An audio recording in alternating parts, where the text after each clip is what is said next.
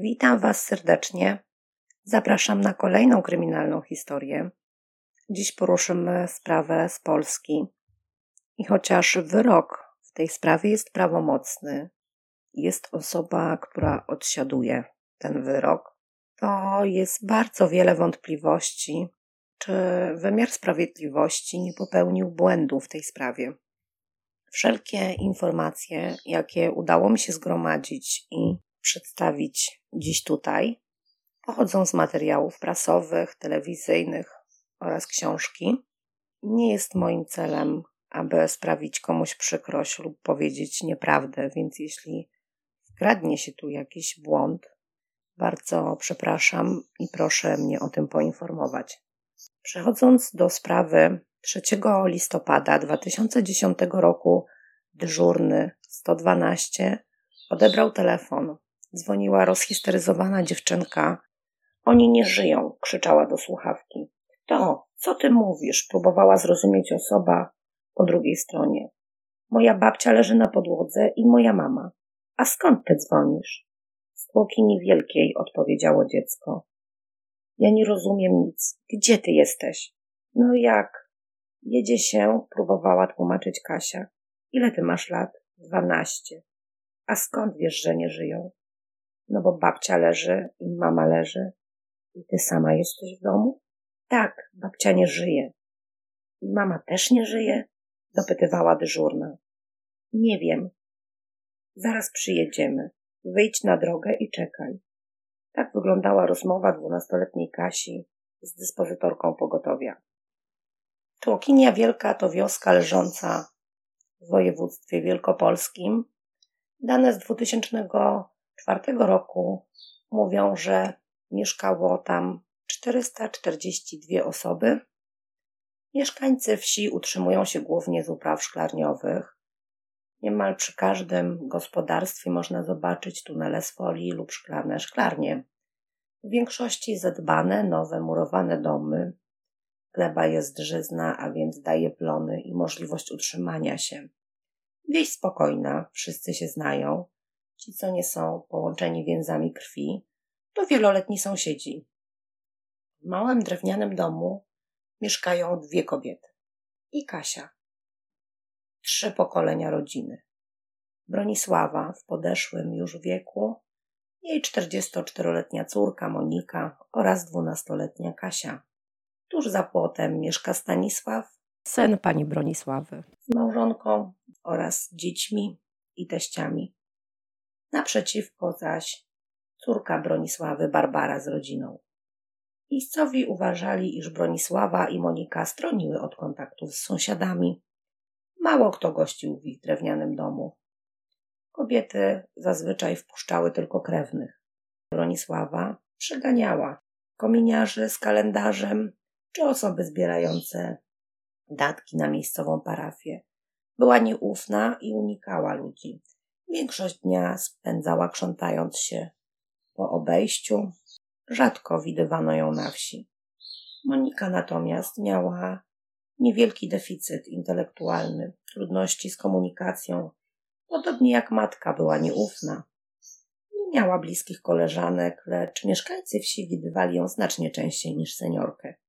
Robiła zakupy w miejscowym sklepie, odprowadzała swoją córkę do szkoły, czasem pomagała przy zbiorach. Kobieta wyszła za mąż mając 32 lata. Małżeństwo nie trwało długo. Jego owocem była Kasia. Sąsiedzi wspominali, iż ojciec Kasi, mieszkaniec pobliskiej wsi, zabierał córkę do siebie, robił jej prezenty i pomagał Monice w utrzymaniu córki. Ale nawet on nie wchodził do domu ani na podwórko. Monika też nie wychodziła, by z nim porozmawiać, kiedy przyjeżdżał po dziewczynkę. Trudno jest określić, czy zachowanie Moniki wiązało się z lekkim upośledzeniem, czy może było efektem wpływu, wpływu pani Bronisławy. Głównym dochodem obu pań była dzierżawa ziemi. Z książki Będziesz siedzieć Violetty Krasnowskiej wynika, iż gospodarstwo swój czas świetności miało już za sobą. Niegdyś jednak musiało robić wrażenie. Bronisława z mężem Kierowani chęcią zabezpieczenia dzieci, podzielili swój dobytek. Monika z racji deficytów dostała dom po rodzicach oraz ziemię, aby mogła się w przyszłości utrzymać samodzielnie z jej dzierżawy. Brat Moniki, Stanisław, nie utrzymywał bliskich kontaktów z kobietami. Poróżnili się lata wcześniej. Kiedyś bliskie sobie osoby, na krótko przed śmiercią kobiet, mówiły sobie jedynie dzień dobry. Przejdźmy do dnia, w którym pani Bronisława oraz jej córka straciły życie. Monika była widziana rano po siódmej, jak odprowadzała Kasię do szkoły. Bronisława zaś była widziana kręcąca się po podwórku. Monikę widziano jeszcze później w okolicach południa, jak wracała ze sklepu. Jak to na wsi bywa, większość mieszkańców spędza czas przy pracach gospodarczych, kręcąc się po swoich posesjach, niezależnie od pory roku, zawsze jest coś do roboty. Tuż za płotem sąsiedzi i krewni wykonywali właśnie jakieś prace na podwórku. Nikt nie widział i nie słyszał nic podejrzanego, chociaż y, piesek, którego właścicielkami były zamordowane, nie szczekał tego dnia, a miał w zwyczaju ujadać, kiedy pojawiał się ktoś na podwórku. Poruszenie u sąsiadów i krewnych nastąpiło w chwili przyjazdu karetki pogotowia ale jeszcze wtedy nikt nie sądził, iż te wydarzenia rzucą się cieniem na całą niewielką społeczność. Kasia, kiedy wróciła ze szkoły, zastała ten makabryczny widok. Początkowo pobiegła do cioci, następnie zadzwoniła do taty, ale był w pracy i nie odbierał. Dziewczynka zadzwoniła na 112 i czekała, aż przyjedzie karetka. Zaprowadziła sanitariuszy do domu. Ślady krwi były już widoczne w sieni. Kuchnia, do której weszli, niemal cała była skąpana we krwi. Meble, podłoga. Trzeba było uważać, aby się nie poślizgnąć. Tuż przy drzwiach leżała pani Bronisława. Dawała jeszcze oznaki życia. Prawie pod stołem zostały znalezione zwłoki Moniki. Przez wąskie drzwi kuchni sanitariusze nie mogli na noszach wynieść pani Bronisławy. Trzeba było wynieść kobietę na rękach. Starsza pani wyraźnie reagowała na ból. W trakcie jazdy do szpitala próbowała powiedzieć coś, jednak nie została zrozumiana. Krótko po przyjeździe do szpitala zmarła. Na miejscu zdarzenia pracowało wielu funkcjonariuszy. Został sprowadzony pies tropiący. Z racji pory roku i panującej pogody sprowadzono również specjalne wody, wozy strażackie, które miały duże reflektory i mogły oświetlać podwórko. Pies, który został sprowadzony, nie podjął żadnego tropu. Policjanci obeszli cały teren, nie znaleźli narzędzia zbrodni. W domu kobiet jest masa śladów obsługi karetki, pierwszych funkcjonariuszy i osób postronnych, bo było ich sporo i kręciły się na miejscu zdarzenia. Nie będzie chyba zaskoczeniem, jak powiem, że dom i okolica domu nie zostały odpowiednio zabezpieczone. Śledczym oczywiście udało się zebrać kilka odcisków palcy, odcisk podeszwy buta, a także kostkę mydła, która była umazana krwią co oznacza, że sprawca mył dłonie. Kaptur od kurtki należącej do Moniki był poplamiony krwią i został oderwany. Leżał w zupełnie innym miejscu niż ciało kobiety. Badania wykazały, iż część śladów nosiła męskie DNA. Sekcja zwłok kobiet wykazała liczne rany rąbane co wskazywało, że narzędziem zbrodni mógł być tasak, siekiera. Pod paznokciami obu pań wykryto mieszaniny DNA, w tym właśnie męskiego. Z wywiadu przeprowadzonego wśród sąsiadów i mieszkańców wynika jasno, iż ani pani Bronisława, ani Monika nie wpuściłyby nikogo nieznajomego do domu. Musiał to być ktoś znajomy ktoś dobrze im znany. Na drzwiach wejściowych nie znaleziono śladów włamania. Okna były pozamykane. Pierwsze podejrzenia padły na wnuka pani Bronisławy, a syna Stanisława. Młody mężczyzna, zaraz gdy dowiedział się o zdarzeniu, pojechał do szpitala zapytać o stan zdrowia babci, co wydało się podejrzane śledczym, ponieważ nie utrzymywali od lat ze sobą kontaktu. Chłopak został zabrany na komisariat i przesłuchany. Zdaje się, że nie miał żadnego związku z morderstwami, co potwierdzał monitoring u jednego z sąsiadów. Śledczym nie do końca to wystarczało. Założono więc podsłuch w jego telefonie. Dwa zwroty, które powiedział wnuk Bronisławy, dla śledczych były podejrzane. Mamuś, nic na mnie nie mają. Oraz, ale nawet nie znajdą, bo jakby znaleźli, to już by coś powiedzieli. Nie jest znany cały przebieg rozmowy. Te zwroty wyrwane z kontekstu, a i owszem mogą wydawać się podejrzane, jednak młody mężczyzna poddał się badaniu wariografem. Te wyniki były niejednoznaczne, ale został skreślony z listy podejrzanych. Kolejną osobą, którą śledczy wzięli pod lupę, był tata Kasi. Mężczyzna jednak również został wykluczony z kręgu podejrzanych. Przyszedł czas na syna pani Bronisławy Stanisława.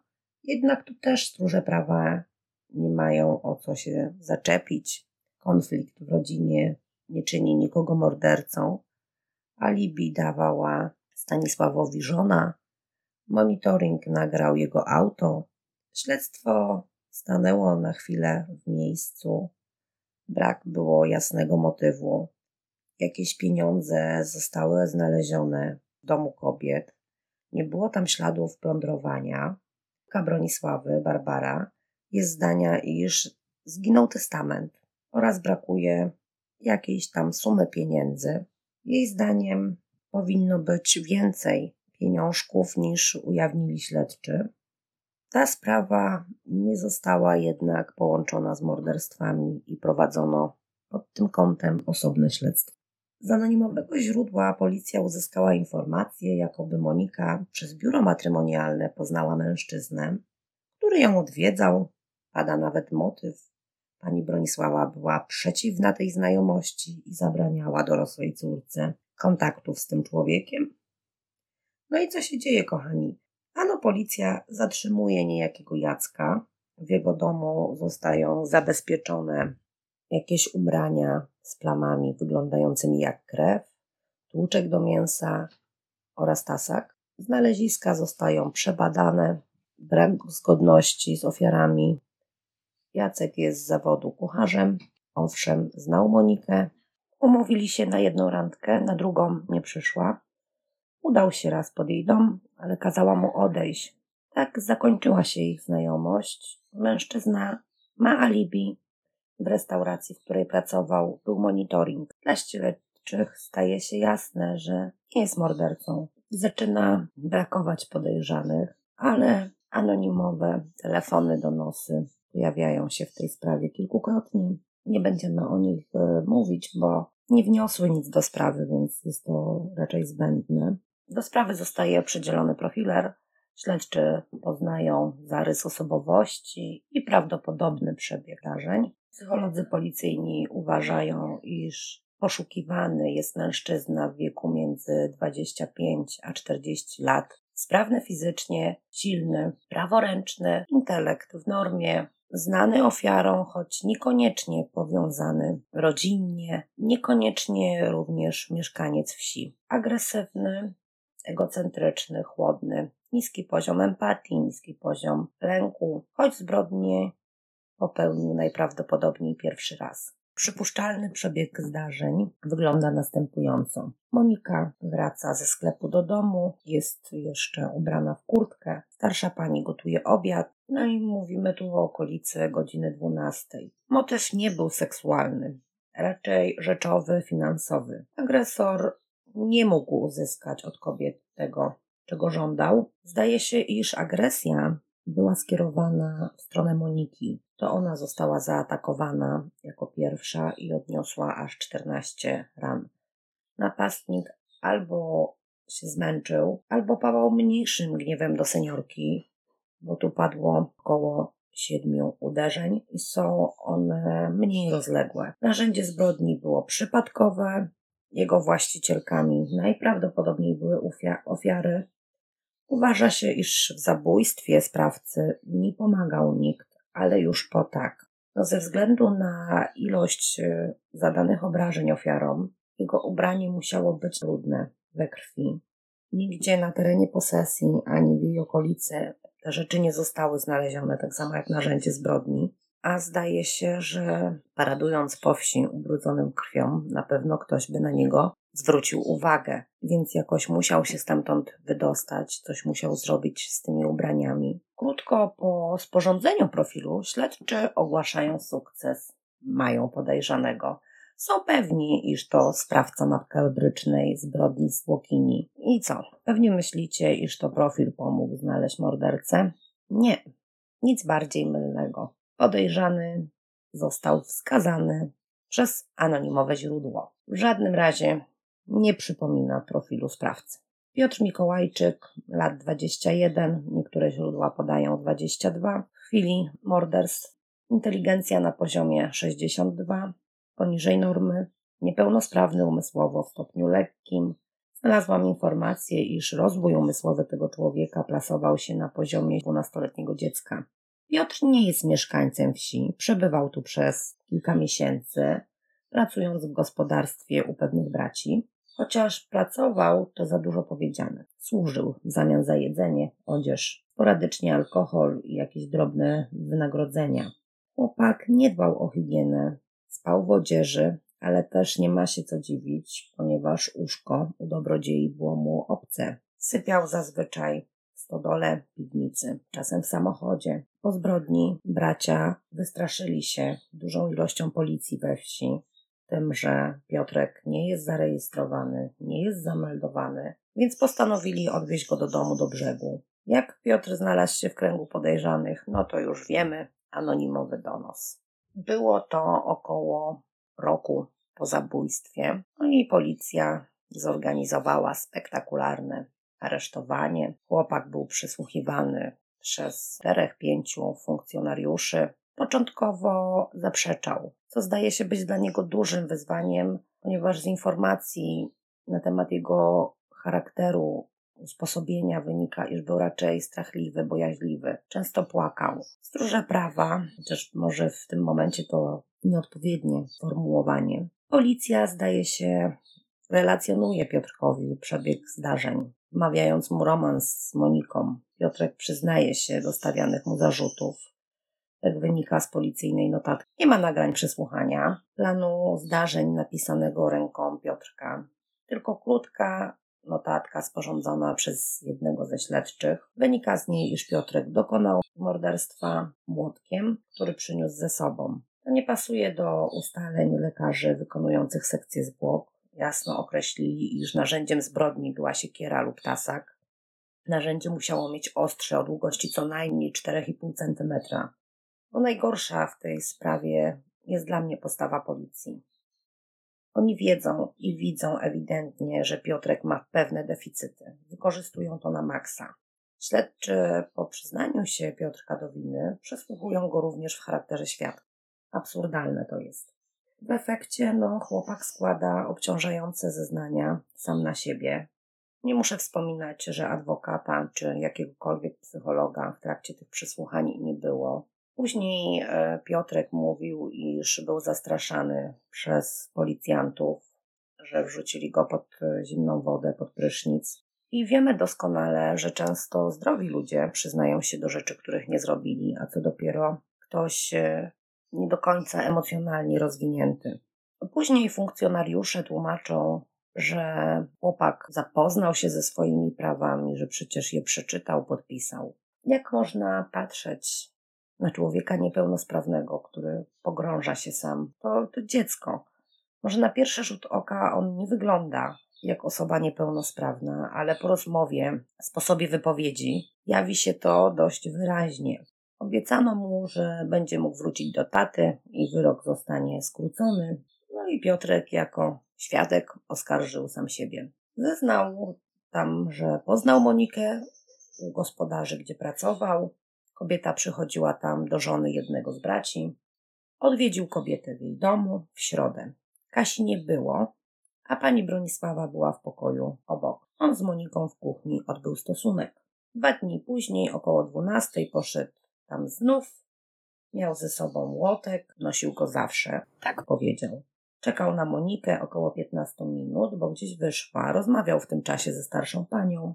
Kiedy wróciła młodsza z kobiet, doszło do kłótni i rękoczynów między paniami. Powodem miał być właśnie Piotrek. Bronisława nie chciała, aby Monika się z nim spotykała. Piotr miał odciągnąć Monikę, a właściwie odepchnąć ją od pani Bronisławy, zaś staruszkę złapał i zaczął okładać młotkiem. Monika zerwała się do ucieczki, więc chwycił i ją. Urwał kaptur od jej kurtki przy próbie zatrzymania i zaatakował. Następnie wrócił do starszej pani i uderzył ją jeszcze dwa razy. Opuścił dom, twierdził, że nie był zakrwawiony. I na drugi dzień miał poprosić gospodarzy, aby odwieźli go do domu. Rzeczy, które miał tamtego dnia, a właściwie spodnie, zabrał ze sobą, zaś młotek wyrzucił na naczepie, gdzie był przygotowany złom do wywózki. Co bardzo interesujące, ta naczepa z tym złomem została wywieziona z terenu posesji dwa miesiące przed morderstwami. Dalsze rewelacje są opisane w zeznaniach na prokuraturze. Piotr twierdził, że Monika bardzo mu się podobała, a starsza pani była temu przeciwna, więc wpadł na pomysł uciszenia jej. Zeznał również, że przed wizytą wypił litr wódki i cztery piwa. Czekał, aż Monika wyjdzie z domu, zabrał z garażu braci siekierę i poszedł do pani Bronisławy. Twierdził, że chciał ją jedynie postraszyć, ale starsza pani zaczęła krzyczeć i go wyzywać, więc się zdenerwował. Uderzył ją kilkukrotnie siekierą, następnie wróciła Monika. Kiedy zorientowała się w sytuacji, zaczęła uciekać, więc Piotr i ją zamordował. No i ogólnie rzecz biorąc, spore różnice w zeznaniach. No na policji Piotrek nic nie mówił o alkoholu. Kolejna niespójność to narzędzie zbrodni. Raz młotek, raz siekiera. To kto był w domu, kiedy Piotr tam był za pierwszym razem, jak reagowała na niego Bronisława. No takie drobne, znaczy drobne, ewidentne niespójności. No i następnego dnia, bo 9 lipca 2011 roku Piotr znów zostaje przewieziony do prokuratury. No trzeba naprawić te błędy. Zeznania powinny być spójne. Żeby wszystko grało, Piotrek składa oświadczenie, że znając jako świadek na policji nie mówił prawdy. Jego poprzednie zeznania w prokuraturze są zgodne z prawdą i nie wie czemu wcześniej kłamał. W sądzie podczas posiedzenia w sprawie aresztu Piotrek powiedział: Nie pamiętam, o której doszło do zbrodni. Nie potrafię wytłumaczyć, dlaczego części odzieży pozbyłem się, a zostawiłem spodenki. Mimo, że do zdarzenia doszło w listopadzie, byłem ubrany w krótkie spodenki. Wszelkie nieścisłości w zeznaniach policja zrzuca na alkohol, a konkretnie ciąg alkoholowy, w którym po morderstwach miał znajdować się Piotrek. Młody mężczyzna nie miał prawnej pomocy przez trzy miesiące po aresztowaniu. Dopiero po tym czasie prokuratura złożyła wniosek o przyznanie adwokata. Sama sąd, prokuratura i policja na winę Piotrka jego własne zeznania. Nic więcej. Zero dowodów. Bardziej niż o skazaniu winnego chyba chodziło tu o statystyki i odbębnienie sukcesu. Kasia podczas okazania nie rozpoznała Piotrka. Dziewczynka powiedziała, że nigdy go nie widziała w ich domu. Powiedziała również, że babcia z mamą nigdy nie kłóciły się o żadnego mężczyznę, jeśli już to o sprawy finansowe i majątek. Ona nigdy nie była świadkiem kłótni jakiegokolwiek faceta. Odciski palcy w domu ofiar nie należały do oskarżonego. Inne ślady również nie łączyły Piotra z morderstwami. Spodenki, o których była mowa w oświadczeniu, zostały zabezpieczone w domu rodziców Piotrka w dniu zatrzymania. Nosiły brązowe plamy. Śledczy liczyli na to, że będzie to krew. Po badaniach okazało się, że. Z źródeł wynika, iż akt oskarżenia zawierał około 10 stron. Wszystko, co mogło świadczyć na niewinność oskarżonego, zostało pominięte. I o ile jestem w stanie zrozumieć ciąg zdarzeń, który miał miejsce przed tym, jak Piotrek stanął przed sądem, tak wyroku i tego, co się odbyło na sali sądowej, nie potrafię zrozumieć. 5 kwietnia 2012 roku Piotrek został skazany na dożywocie. Zawsze mówi się, że to prokurator musi udowodnić winę. Tu tego nie było, a wyrok mimo wszystko zapadł. Żadna z osób przesłuchanych nie powiedziała, aby widziała kiedykolwiek Monikę w towarzystwie Piotra.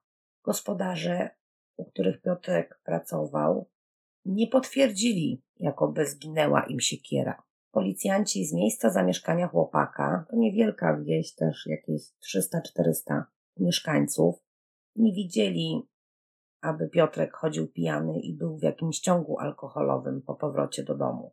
Zdaje się, iż nie wzięto również pod uwagę opinii psychiatrycznej, z której wynikało, że oskarżony nie wie, o co jest oskarżany. Po chwili dodaje, że trochę pamięta, jednak nie zabił tych kobiet. Mówi, że doszło do zbliżenia między nim a Moniką w jej domu, po czym dodaje, że nigdy nie odwiedził tych pań. Na wiele pytań nie był w stanie odpowiedzieć, mówił, że nie pamięta. Odnośnie zeznań na policji, mówił, że śledczy mu tak doradzali, że tak będzie lepiej. Możemy również poznać charakter Piotrka. No i tu padają takie określenia jak podatny na wpływy innych, sugestywny, dobrze funkcjonujący, ale w środowisku, które zna, składa proste zdania, ma ubogie słownictwo, odpowiada na pytania pojedynczymi słowami. Żeby też nie było tak, że wszyscy w tej sprawie dali ciała, to warto wspomnieć o pani mecenas, która broniła Piotrka i od razu złożyła apelację, która została przyjęta. I sąd apelacyjny wypunktował błędy i skrytykował cały przebieg przygotowania, jak i samego procesu. Brak badań siekier które znaleziono w obejściu ofiar. Nie zbadano śladu podeszwy, którą zabezpieczono na miejscu morderstwa. Nie wiadomo, czy należała do Piotrka, czy nie należała do Piotrka, bo po co to sprawdzać. Brak badań zgodności krwi na kapturze, który zabezpieczono na miejscu zdarzenia. Niewystarczająco zbadano konflikt rodzinny na tle finansowym. No i na koniec oberwało się sędziemu prowadzącemu sprawę. I tu zacytuję. Ostrożności, krytycyzmu i zasad logicznego rozumowania nie dochował. Apelacja trafiła do tego samego sądu, co za pierwszym razem, czyli mamy powtórkę z rozrywki i Piotrek tutaj po apelacji otrzymał 25 lat więzienia. Kolejna apelacja zostaje odrzucona. Sprawa trafia do Sądu Najwyższego, gdzie nawet córka i siostra ofiary podważa zeznania Piotrka. Mówi, że nie ma możliwości, aby Bronisława zgodziła się na wizytę Piotrka u Moniki. Sąd Najwyższy, zdanie Kasi, też miał za nic. Uznał, że Piotr przebywał w ich domu, kiedy była tam Kasia i pani Bronisława. Nie ma jak wmówić komuś coś, co nie miało miejsca. I mam tu na myśli uzasadnienie sądu, bo takowe musi być i musi się odnieść do całej sprawy. Zdaniem sądu Piotr bywał w domu Moniki i nie wziął pod uwagę zdania Kasi, że ona go tam nigdy nie widziała. Uznano, iż Piotr był w stanie dokonać zbrodni i nie zostawić żadnych śladów. Jak to powiedziała doktor Ewa Grus, geniusz zbrodni. Pani doktor jest profesorem nauk prawnych oraz pracownikiem naukowym w katedrze kryminalistyki Uniwer Uniwersytetu Warszawskiego. I pani doktor jest zdania, że Piotrek nie byłby w stanie popełnić, tak w cudzysłowie, doskonałej zbrodni, nie zostawić żadnych śladów na miejscu. Od początku tej sprawy również Helsińska Fundacja śledzi wszystkie procesy i angażuje się mocno w udowodnienie tego, że Piotrek jest niewinny. W 2017 roku złożono skargę do Europejskiego Trybunału Praw Człowieka. Mało tego, Rzecznik Praw Obywatelskich złożył kasację od wyroku do Sądu Najwyższego, która została odrzucona w 2020 roku. W jednym z programów telewizyjnych pojawił się człowiek, który anonimowo przybliżył motyw morderstwa, miał wiedzę, a jego wypowiedzi były dość sensowne, składne, na tyle, że przedstawiciel prokuratury apelacyjnej z Krakowa poprosił mężczyznę, aby, aby złożył te zeznania w prokuraturze. Chyba nie do końca tak się stało, w każdym razie została złożona, zostało złożone to nagranie do prokuratury, na którym on opowiada, co wie odnośnie tej sprawy o prawdopodobnym motywie morderstw. E, obiecano temu człowiekowi anonimowość, ponieważ w jego wypowiedziach ewidentnie były wzmianki o jego rodzinie, co mogło prowadzić do zidentyfikowania tej osoby. No i oczywiście to nagranie, tak jak wspominałam, trafiło do prokuratury, zostało w całości odtworzone na jednej z rozpraw. Nie zmieniono głosu, nie powycinano tych sugerujących wypowiedzi odnośnie kim on jest. I siostra, kuzynka Piotrka została wezwana przez sąd, aby ujawnić dane tego człowieka. Ona odmówiła i została obciążona grzywną. Co interesujące, również prokurator ponoć znał dane osoby z nagrania. Ponoć ten mężczyzna wyraźnie wskazał motyw i osoby zainteresowane. I niestety dla Piotrka ta sprawa tak się na chwilę obecną kończy. Miejmy nadzieję, że Europejski Trybunał rozpatrzy ją i będzie to zrobione w sposób odpowiedni i pokazane, że prawo przede wszystkim istnieje, bo tutaj w tej sprawie, no powiem Wam, że można się rozczarować, po prostu zwątpić w machinę prawną. Kochani, to by było dzisiaj na tyle. Bardzo Wam dziękuję za wspólnie spędzony czas. Mam nadzieję, że udało mi się dla Was rzucić jakieś światło na tą sprawę. Cytat, który niektórzy z Was, bo jeszcze nie wiem jak to wyjdzie, mają możliwość zobaczyć na miniaturze. Brzmi on: Miałem osobiście pewne wątpliwości, ale doszedłem do wniosku, że temu człowiekowi w więzieniu będzie lepiej niż na wolności. Jest to fragment wypowiedzi jednego z ławników, którzy brali udział w procesie Piotrka. I myślę, że samo to mówi przez się i nie trzeba nic więcej dodawać. Wszystkie źródła znajdziecie poniżej. Do usłyszenia. Cześć.